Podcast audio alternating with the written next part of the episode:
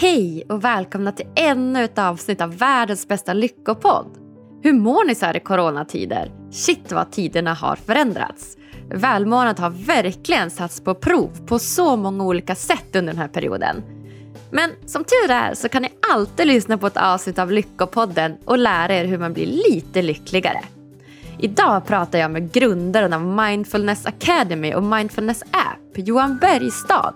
Fyrabarnspappan som lär dig hur du gör för att få livspusslet att gå ihop. Vilken enorm effekt mindfulness faktiskt har på välmåendet. Och massa små enkla knep som du kan använda dig av i vardagen för att bli lite lyckligare. Han har själv varit i Thailand under en period där han inspirerats av bland annat Björn Natthegård Lindeblad och andra buddhistiska munkar som lärt sig leva med lyckan av att less is more. Jag heter som vanligt Agnes Sjöström och den här podden presenteras i samarbete med hypnotication.com. Vill du också lära dig hur man gör för att bli lite lyckligare? Varsågod!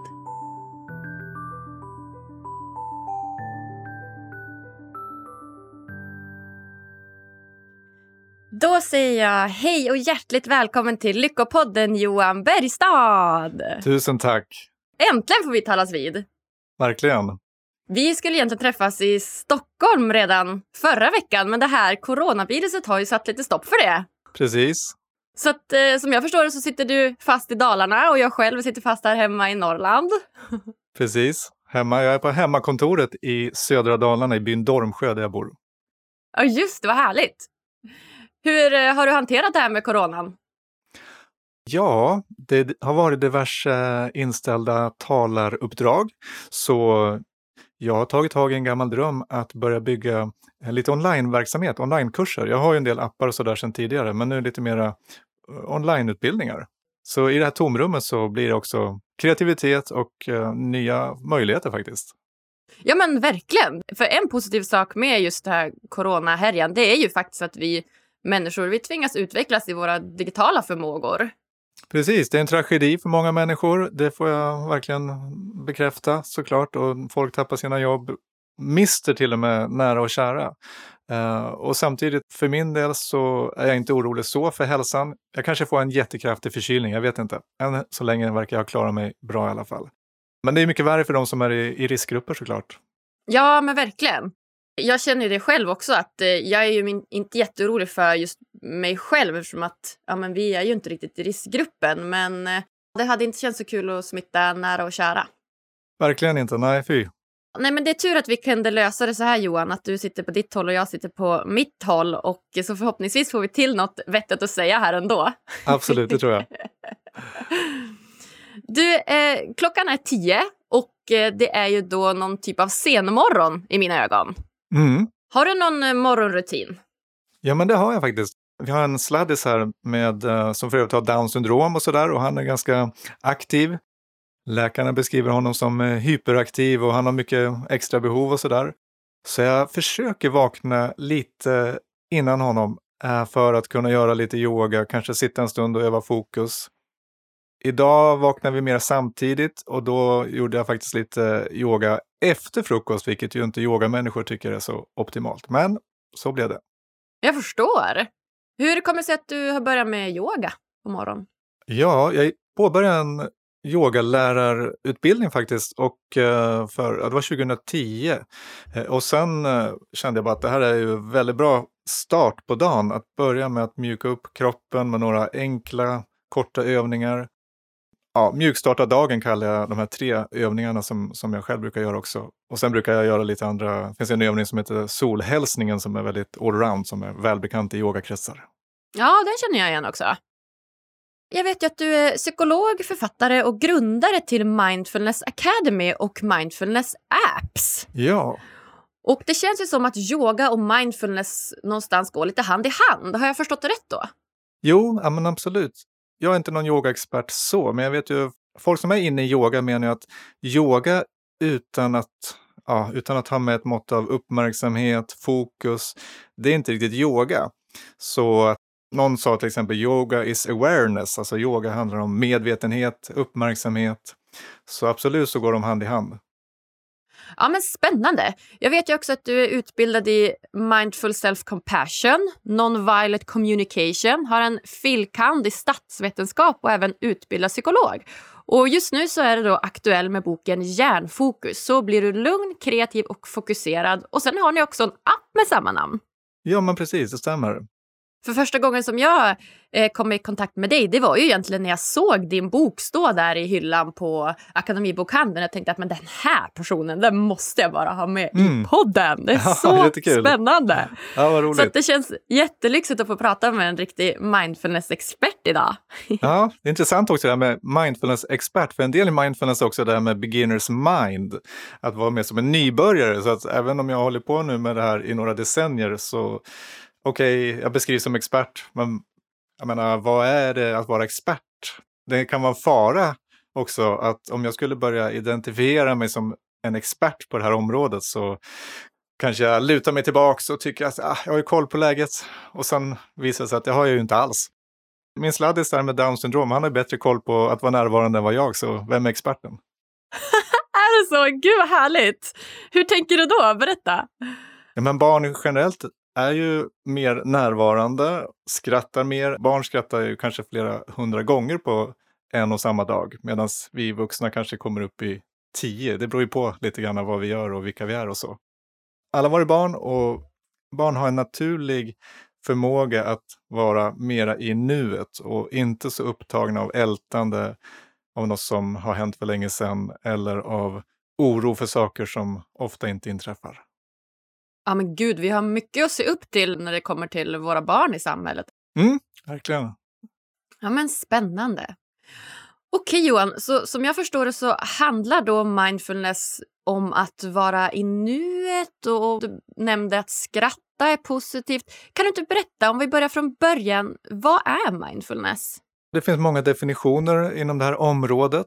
Eh, så en definition som jag då använder mig av, det är en Mindfulness är en icke-dömande uppmärksamhet i nuet. Och den här uppmärksamheten kan du rikta dit du vill. Så det är viljestyrd uppmärksamhet. Så just nu kan jag rikta fokus till dig och det här, den här poddinspelningen. Ofta det vi lägger märke till när vi börjar öva sådana här saker, det är att vi, hjärnan är full av dömande tankar, värderande tankar. Det här är bra, det där är dåligt, det här är fint, det här är fult och sådär. Och det är liksom mera som en slags kulturella glasögon. Att vi har lärt oss vad är bra och vad är dåligt. Om du missar tåget till exempel, äsch, dåligt och du kanske slår på dig själv, typiskt mig och ah, var ute i sista stund och så missade jag tåget. Och sen kanske du får höra att tåget eh, spårade ur och två personer blev skadade. Och då kanske du är jätteglad att du missade tåget. Ja men verkligen. Det känner man ju igen själv att så fort man får någon typ av ny information till hjärnan så är det så lätt att döma det åt det ena eller andra hållet och det är nästan så att man gör det omedvetet hela tiden. Mm. Och den här mindfulness uppmärksamheten är ju mer som, om du tänker i himlen som rymmer både mörka moln och ljusa moln och himlen är oförändrad. Och den förmågan kan man säga att vi har, den här uppmärksamheten behöver inte påverkas om du har hundra negativa tankar och hundra positiva tankar så kan uppmärksamheten låta de här tankarna bara komma och gå. Mm. Så på det viset kan det bli en slags frihet också um, där du inte behöver ryckas med i varenda tanke. Just det. Och om man då vill träna på att låta tankarna komma och gå och att inte döma tankarna så mycket, har du några bra tips på hur man gör det? Ja, det, en bra övning att börja med kan vara den som jag kallar powerpausen, som är att du skannar av din egen kropp. Inom mindfulness brukar den kallas för kroppsskanning. Och det kan vara en bra början att grunda uppmärksamheten i sin egen kropp. Därefter kanske gå vidare till en övning som jag kallar skarpt fokus, där du helt enkelt zoomar in fokus på andningen här och nu. Och så gör du det en stund och om du gör det i tystnad så kommer du kanske märka att du fångas av någonting, nämligen tankar. Och med lite träning kan du lära dig att så att säga decentrera dig själv eh, så att du inte blir ett med tankarna utan du observerar dem ungefär som moln som passerar på himlen. Powerpausen alltså? Det kan vara en övning och, och, den andra övningen skarpt fokus som vi ofta gör sittande. Observera andningen, andetag efter andetag.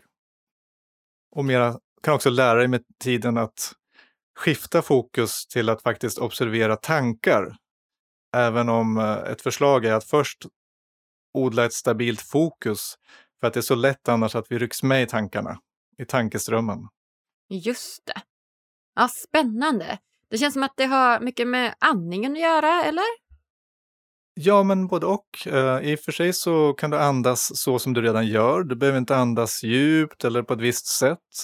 Så det är ingen andningsteknik så att säga, utan vi bara använder andningen, för den är här och nu. Andningen är ju i nuet hela livet.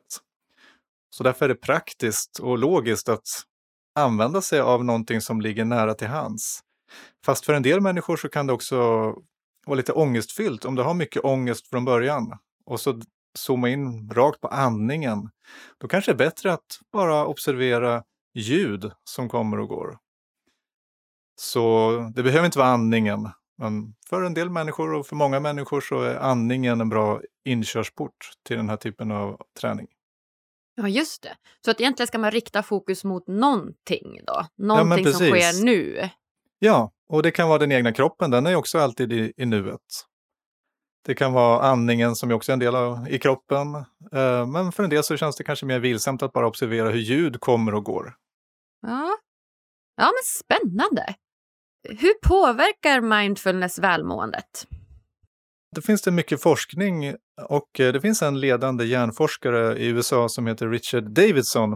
Om man tar just välbefinnande så har han identifierat fyra områden. Och då kan man titta på vad som händer så att säga rent forskningsmässigt och med strikt eh, vetenskapliga metoder. Och de här fyra det är återhämtning, positiv grundsyn, uppmärksamhet och generositet och vänlighet. Så de här fyra mm. områdena, till exempel i dagens coronatider, man på engelska säger man resilience, det finns nog också på svenska nu med res resiliens, som då handlar om återhämtning efter en motgång, en slags motståndskraft. Och det är ju viktigt också för välbefinnandet. Vi har alla våra upp och nedgångar, så att kunna hantera det är viktigt. Vi kan också öva upp en mer positiv grundsyn då, eller positiv outlook på engelska. Som är en slags förmåga att behålla positiva känslor. Och uppmärksamhet inte minst. Eh, det finns en studie från 2010 som heter A Wandering Mind is an Unhappy Mind. Alltså tankevandring gör oss lite olyckliga. Eh, och den studien visar att vi är mentalt frånvarande ungefär 47 procent av vår vakna tid.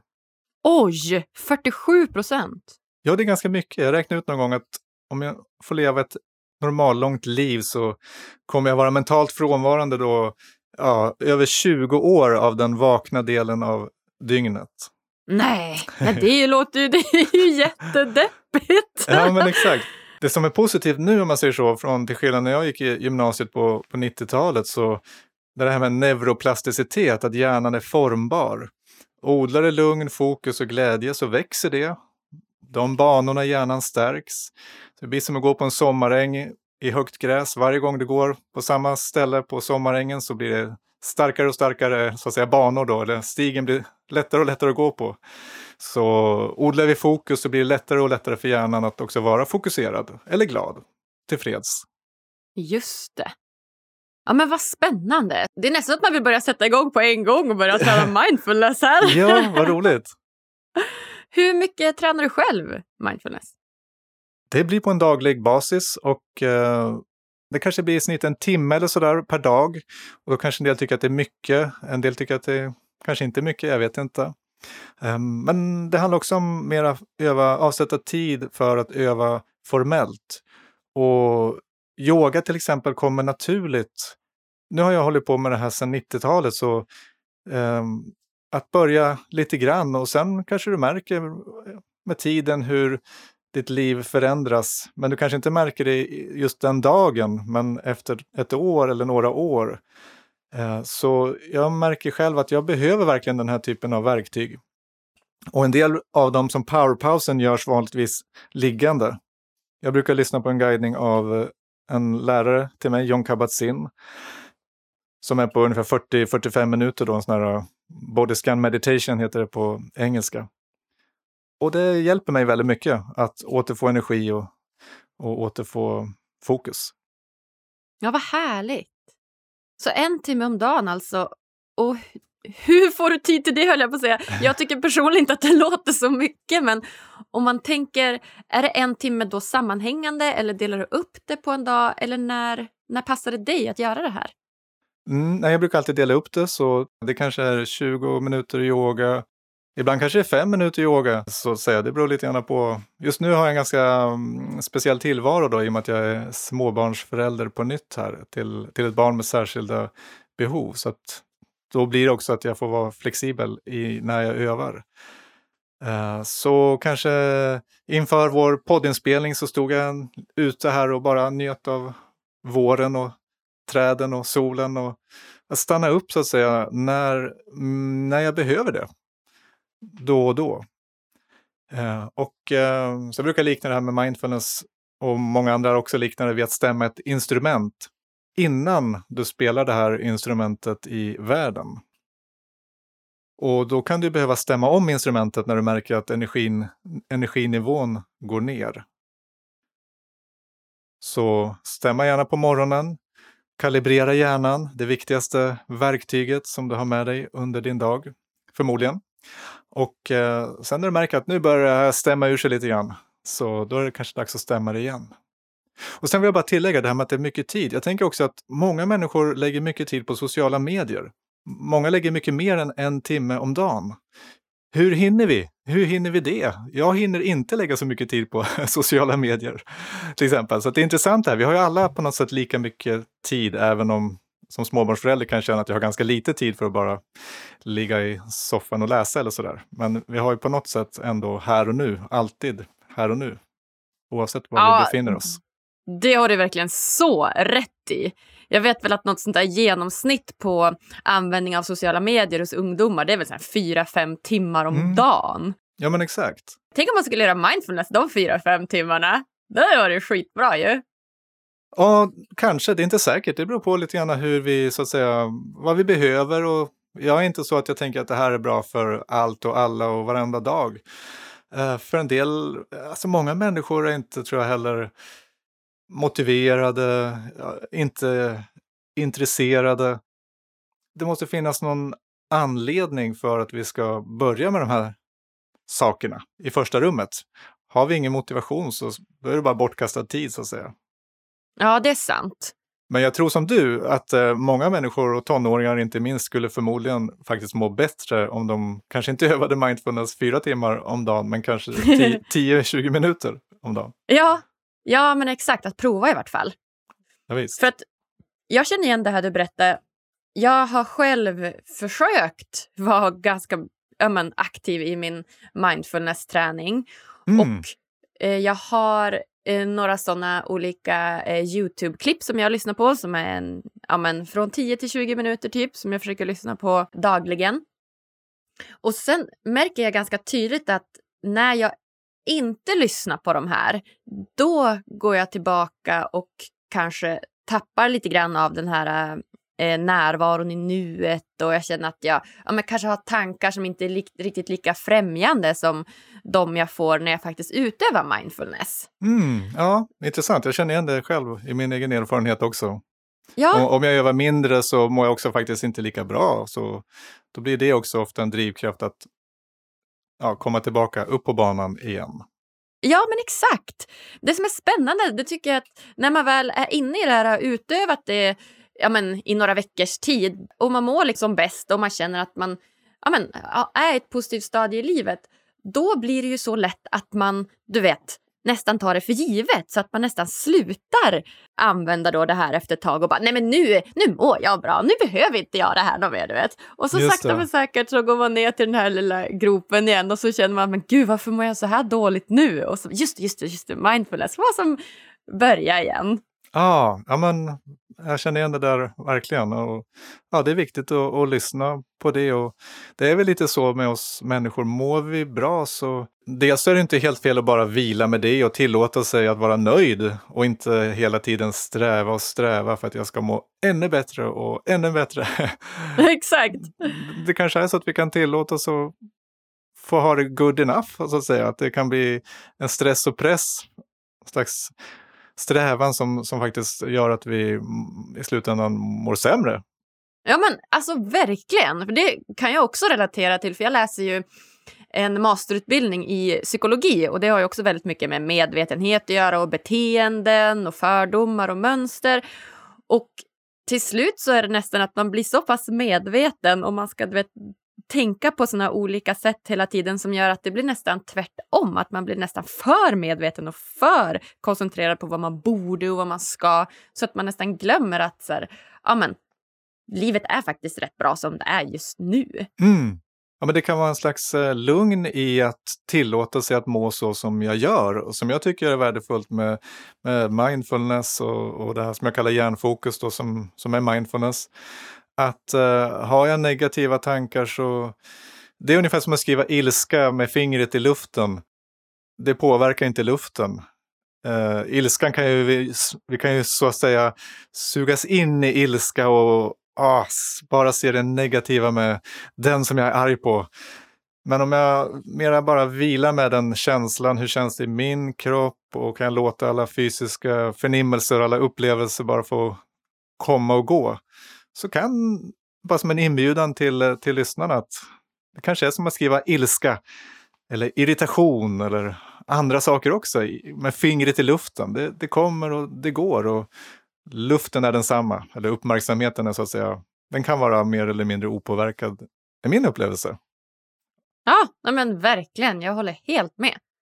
Och något som var väldigt revolutionerande för mig när jag började, liksom just som du sa, lyssna på mina fysiska sinnesförnimmelser och kroppen, det var att när jag väl då tillät mig själv att känna ilska, alltså säg att jag var jättearg på min roommate som inte hade diskat till exempel. Mm, klassiker. Klassiker!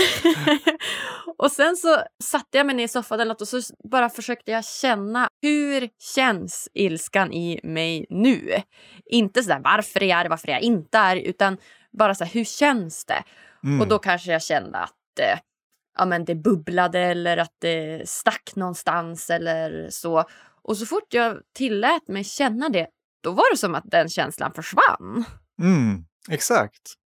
Det är häftigt och det kan bli en slags empowerment för människor att Wow, det handlar inte då heller, det här med lycka och välbefinnande, alltså hur viktigt är det att allting är på plats utanför mig själv och att andra människor gör exakt som jag vill och sådär.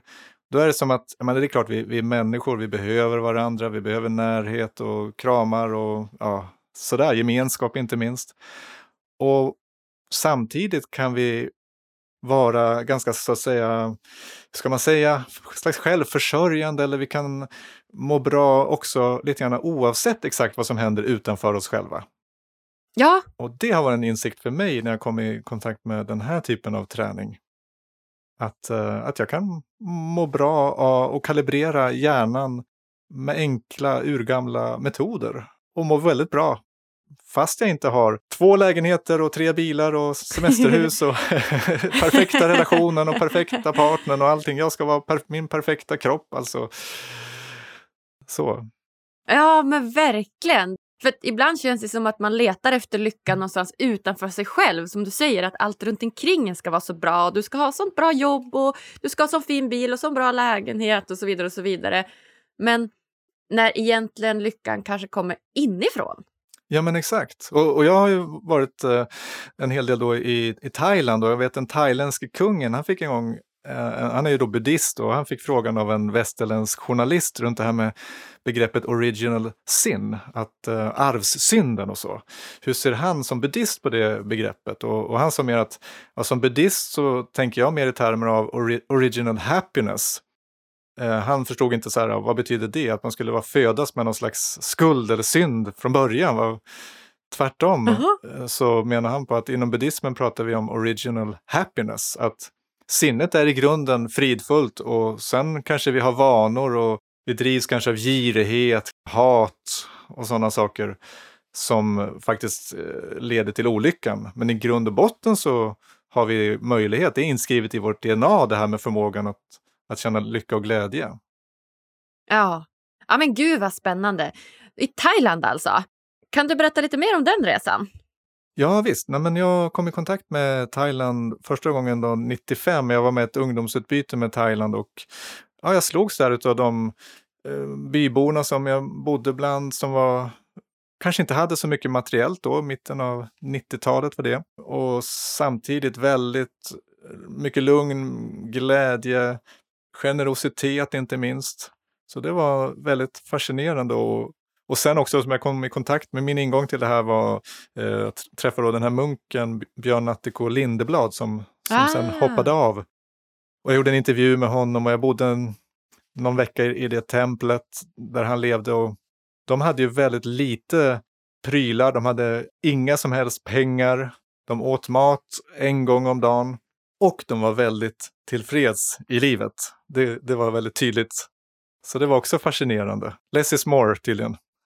ja men gud vad spännande, less is more. Vad är den viktigaste insikten som du tar med dig från Thailand och buddhismen till det västerländska samhället? Oj, det är nog flera olika saker. Um, men inte minst att vad är lycka? Vad är det att leva ett meningsfullt liv? Hur kan jag själv eh, kalibrera hjärnan med de här gamla metoderna?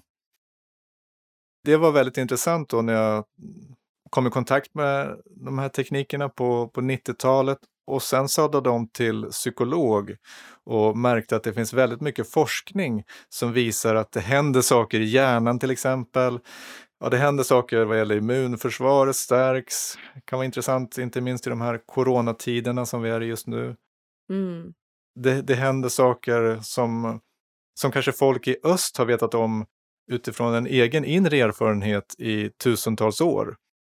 Och som sen ganska nyligen då har man kunnat visa med västerländsk, väldigt strikt vetenskaplig metodik att det händer faktiskt saker i, i hjärnan till exempel och ända ner på cellnivå.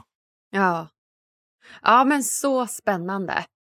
Så skulle du säga att buddhism och eh, mindfulness hänger ihop?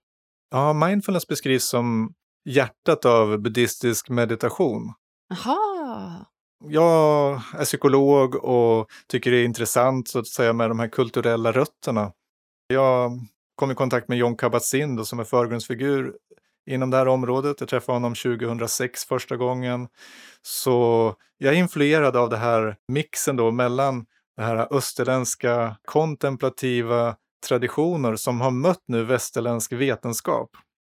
Så spännande! Det känns ju som att det någonstans kommer från den här österländska buddhistiska meditationskulturen och att vi någonstans ändå har försökt anamma det här i Sverige men på ett liksom mer vetenskapligt sätt och vill veta så här, ja, men finns det faktiska bevis på att det funkar och att det här någonstans håller på att mötas. Mm, exakt, och det är unikt i världshistorien att de här två strömningarna möts nu.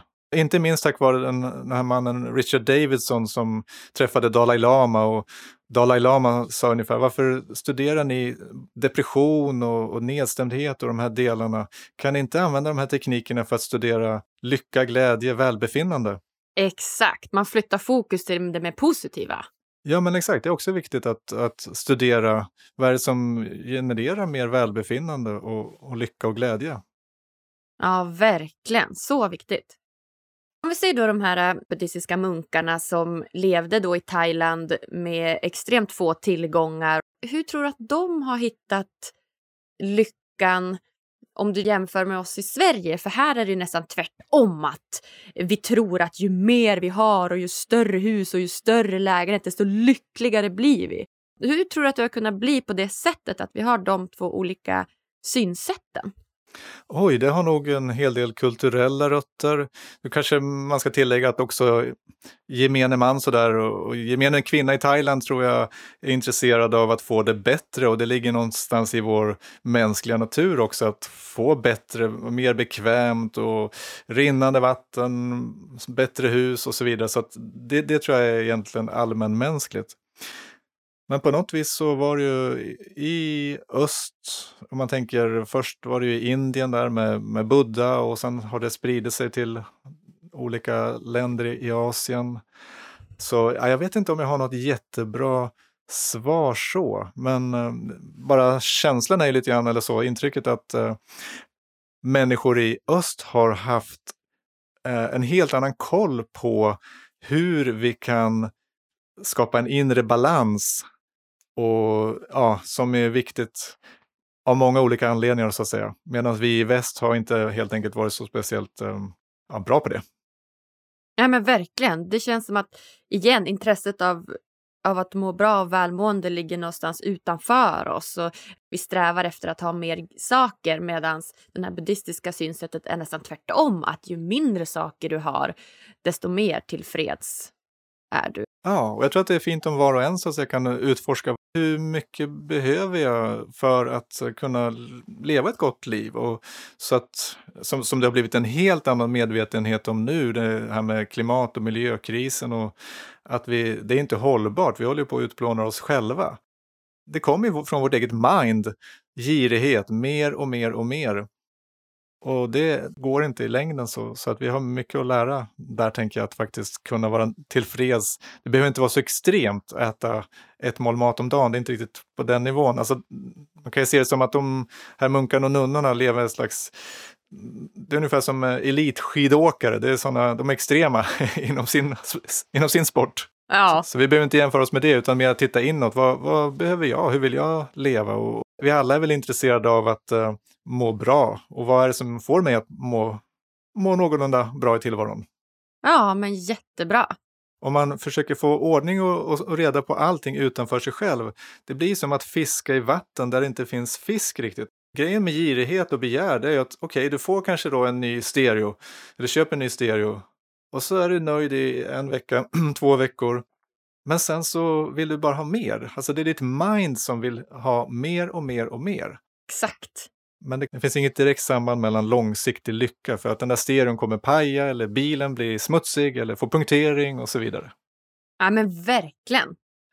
Har du någon bra mindfulnessövning som du kan använda för att träna på att vara nöjd här och nu? De flesta mindfulnessövningarna handlar om det. För det som har varit intressant för mig när jag kommer i kontakt med de här teknikerna, det är att jag behöver inte så otroligt mycket. Det kan vara intressant att bara observera hur andetaget kommer in i kroppen och lämna kroppen och ja, du kanske börjar reflektera kring, eller om du har kontakt så att säga med dig själv, så kan det vara fascinerande. Och folk tycker att ja, men, det här är jättetråkigt, jag har inte tid, det sådär, kryper hela kroppen. så, så, så, kan jag, det kan jag också verkligen relatera till att det kan dyka upp. Men någonstans så är det ju fascinerande syret som just nu strömmar in i min kropp när jag andas in, kommer någonstans ifrån. Jag andas ut koldioxid. För tre miljarder år sedan gick det inte att andas in något syre ens på den här planeten. Var kommer Eller det ifrån? Hur? Och så börjar jag kanske hur? tänka på de här cyanobakterierna i havet och det tog en miljard år för dem att syresätta havet och ytterligare en miljard år att eh, syresätta luften och ozonlagret bildades.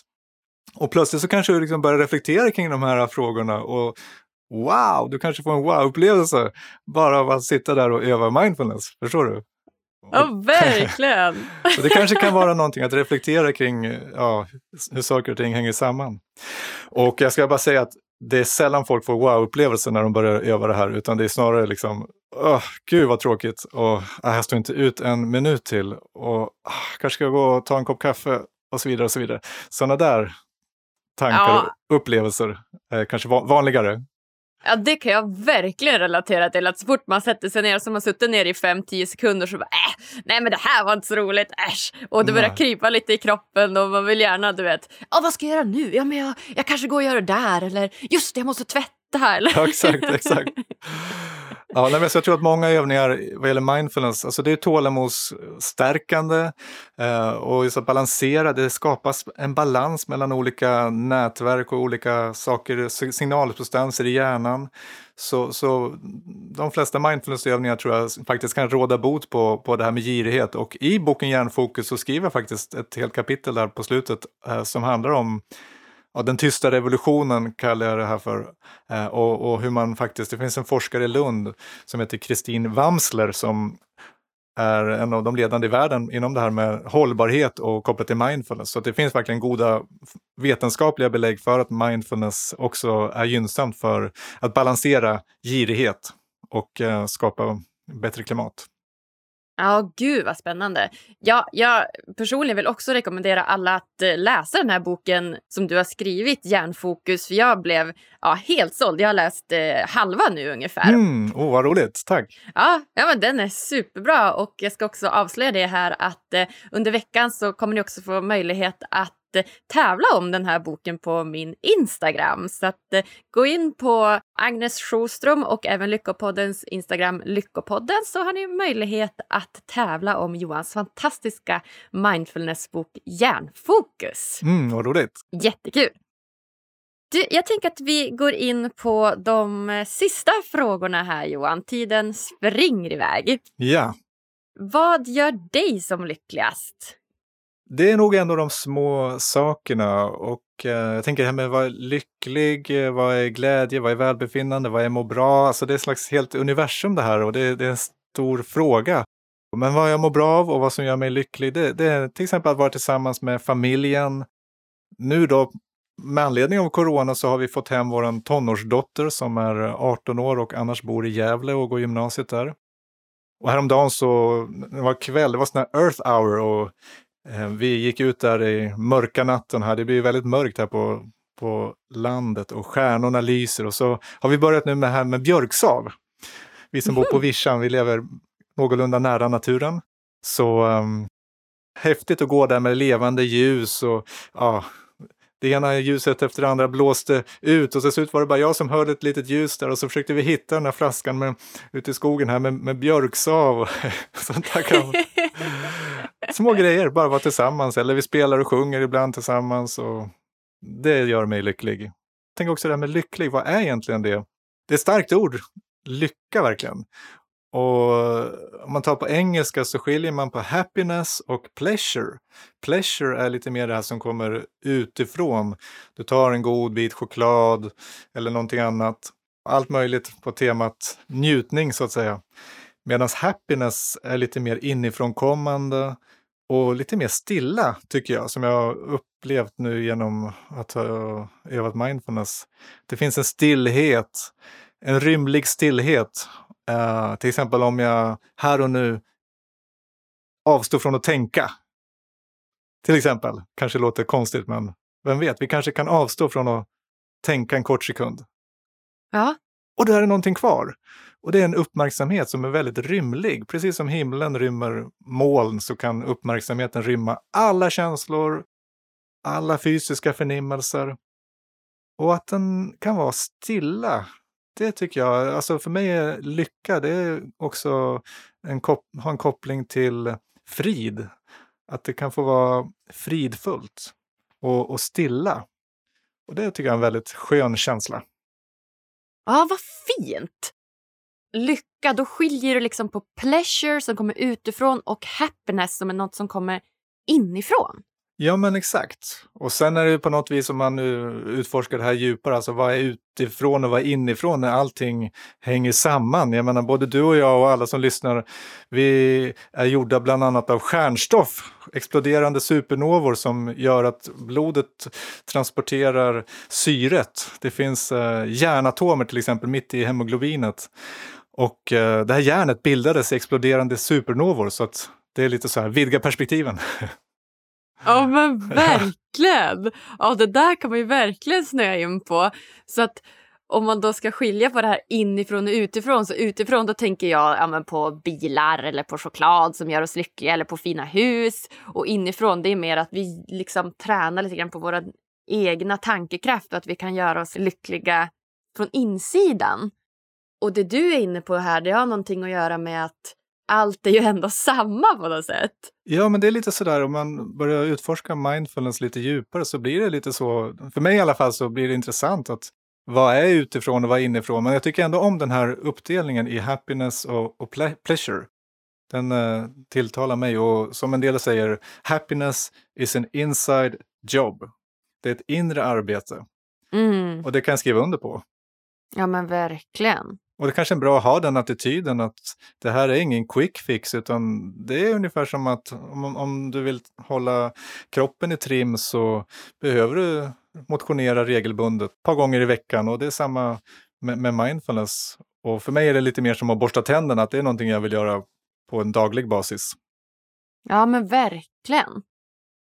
Hur lycklig skulle du säga att du är generellt om du rangordnar från skala 1 till 10? Ja, men precis. Det, det, växlar ju. Det får jag ju verkligen skriva under på. Ja. Eh, och beroende på vad som händer, så även om det är ett inside job, så ja, jag påverkas av eh, om det blir en konflikt med min kära hustru eller det händer någonting. Minstingen där, han tycker om att kasta saker och du kanske får liksom en, du vet jag, en sked i huvudet. Det är inte så kul. men jag menar, här och nu så känns det ju verkligen, ja, men åtta eller nio känner jag, det är jätte, ja, kul och här, du är intresserad av ämnet, vi har ett fint utbyte av tankar och idéer här. Så, men det, det kan växla från ja, det ena till det andra. Men kanske i snitt ja. sju eller något sånt där. Åtta. Och då kan jag också lägga till att det har varit utmanande nu de här sista fyra åren eftersom livet som småbarnsförälder är ofta intensivt. Och att ha ett barn med särskilda behov, det kan vara superintensivt. Han är fyra år nu, han kan inte säga mamma, pappa, vi behöver mata honom. Alltså det är en helt ny nivå verkligen. Så att, att ha lyckonivån sju känner jag, det, det är jag verkligen tacksam för. Ja, vad härligt! Och, och han är för övrigt en som kan ibland få upp lyckonivån till tio, för han är också en solstråle på många sätt. Gud vad härligt! Ja, för jag vet ju det eh, Johan, att eh, utöver din fru så har du ju också fyra barn. Mm. Och jag hör ju nu att dels är allt ifrån eh, en tonåring som går gymnasiet till en, en fyraåring med speciella behov. Ja, men exakt. Hur gör man då, skulle du säga, för att få det här livspusslet att gå ihop? Ja, men jag tror att det är det som gör att jag har skrivit boken Hjärnfokus. Jag tycker själv att det är intressant och, och liksom att det är viktigt. Jag vill må bra, jag vill ägna livet åt meningsfulla saker. Och då kan jag till exempel inte börja med sociala medier eller mejlen. Jag har fortfarande inte, nu är klockan, inte vet jag, snart 11 kanske. Jag har ingen klocka här men jag har inte kollat mejlen idag till exempel. Eh, för att det är andra saker som är viktigare. Så det är några sådana tips för att få livspusslet att gå ihop. Kolla inte mejlen eller mobilen på morgonen, vänta så länge du kan. För många människor kan det vara bra att välja hur många gånger ska du överhuvudtaget kolla mobilen? Så att det är du som styr din dag istället för att du fångas av olika saker. Och jag brukar själv börja som sagt med eh, någon typ av fokusövning för att det är värt så otroligt mycket att inte fångas av ofrivillig tankevandring utan att styra sitt eget fokus.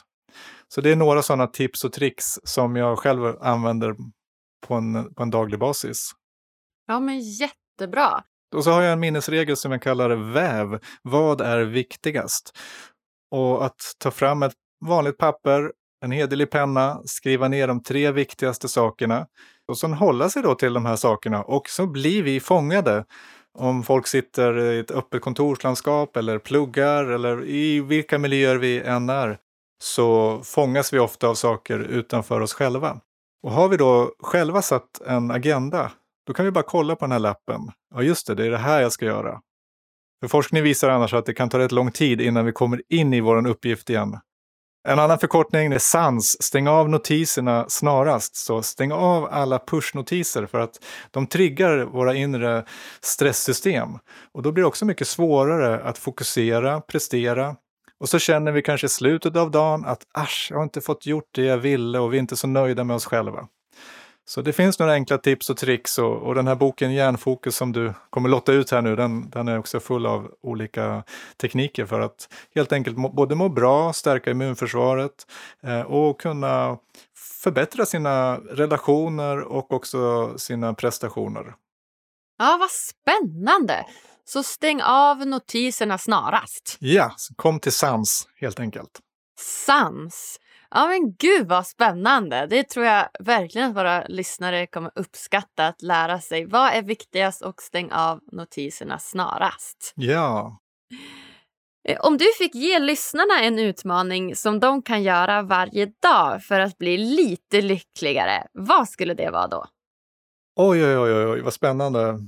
Ja, helst göra en övning. Ta till exempel powerpausen på fem minuter och se om du mår lite bättre.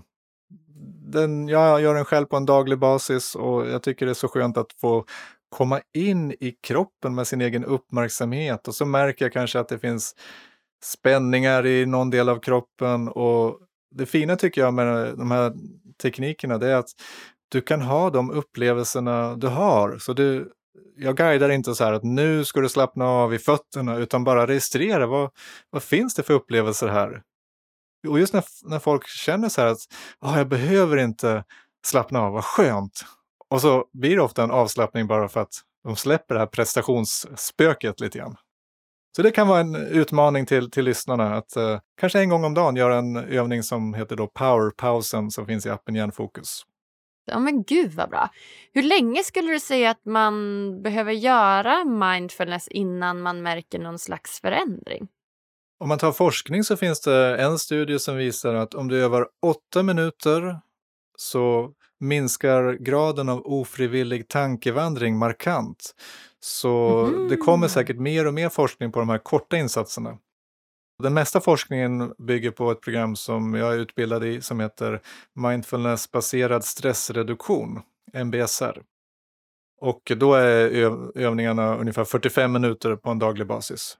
Men det finns också forskning, jag jobbar mycket med företag, föreläsningar, organisationer och det finns bra forskningsstöd också för att öva 10 minuter om dagen. I företagssammanhang så träffas folk till exempel i ett konferensrum då och eh, öva sitt fokus tillsammans på morgonen eller förmiddagen vanligtvis. Och öva då, räkna andetagen gör man då från 1 till 10, från 10 till 1 och så vidare. Så tappar du kanske bort dig, börja om igen från 1. Den typen av tekniker. Och det visar då forskningen att eh, människor upplever att de får mer gjort med mindre energi. Så folk må, mm. mår bättre och får samtidigt mer gjort, vilket är en kalaskombination. Ja, gud vad bra! Och det är alltså av att göra mindfulness 10 minuter om dagen? Ja, precis. Just det. Och jag tänker också lite grann att stirra dig inte blind på forskning så här och en liten hälsning till lyssnaren, utan bara testa din egen erfarenhet. Behöver inte tro på någonting, utan bara testa och se vad leder det här till för dig? Ja, men exakt. Hur många dagar behöver man göra det här för att märka skillnad? Märker man skillnad efter redan första dagen eller behöver man göra det en vecka eller två eller? Det finns ju så otroligt mycket studier, kanske 10 000 välgjorda studier nu för tiden. Men att du kanske övar 4 gånger 20 minuter kan vara ett upplägg. Eh, det kan vara 10 minuter under sex veckor. Det finns så många olika designer, designs på sådana här studier. Ja, men spännande. Så i komplement till att kolla på forskning så tycker du också att man ska prova själv och lyssna på sin egna erfarenhet? Ja, men exakt jag tycker själv att eh, det har ju varit så lite övertygande för mig att eh, det finns så mycket bra forskning nu. Det är därför jag sitter här också, för att jag är psykolog och det jag gör det är inte bara beprövad erfarenhet utan det är också forskningsbaserat. Så samtidigt att lyssna på sig själv och, och testa i sin egen erfarenhet så inbjudan så att säga, det är lite grann bara testa och se vad du upptäcker för din egen del. Och känner du att det här ger inte mig ett skvatt, ja men då kommer du inte heller fortsätta. Och känner du att ja, men det här var utmanande, men jag märker också att jag mår lite bättre. Eller jag kan hantera, ja du hade den här rumskamraten som inte diskade. Du kanske, du kanske märker att du kan känna den här vågen av frustration och du kanske märker att ah, det går att hantera det här på flera sätt. Tidigare kanske jag bara blev sur och smällde igen dörren och gick därifrån. Men nu kanske du märker att det är ett alternativ och det kan ju vara helt okej okay, uh, att göra så. Ett annat kanske är att tillåta sig själv att uh, få ha sina känslor och sen i, i en bra, när det är en bra timing så kanske jag tar upp det här med min, min rumskamrat till exempel. Och då blir det också en frihet när du inte är fångad i dina gamla olika mönster och så, utan du är fri att välja det alternativet eller det handlingsalternativet eller kanske en eh, helt andra alternativ också. Ja, ja men jättespännande Johan. Vem hade du velat ska gästa Lyckopodden? Vad tror du om Mikael Dahlén? Han har ju skrivit en liten bok om lycka och diverse andra böcker och han kommer berätta många spännande forskningsfynd, det är jag helt övertygad om. Ja, vad kul! Du är den andra som eh, rekommenderar honom nu. Jag ska inte spoila något av, några av hans spännande, roliga, intressanta forskningsfynd. Det får han ta upp själv. ja, men det låter jättebra. Ja, men vad spännande. Då ser vi fram emot att eh, förhoppningsvis få med honom också. Ja, vad kul. Tack eh, snälla Johan för att du kom och gästade oss på Lyckopodden. Tack själv, jättekul att vara här. Ja, wow hörni, så himla bra. Johan Bergstad alltså. Vilken riktig mindfulness-expert. Vad tar ni med er från det här avsnittet? Ja, jag själv blev så inspirerad att jag tänker nog börja med mer regelbunden mindfulness här på en gång. Vi hörs nästa tisdag igen. Tjingeling!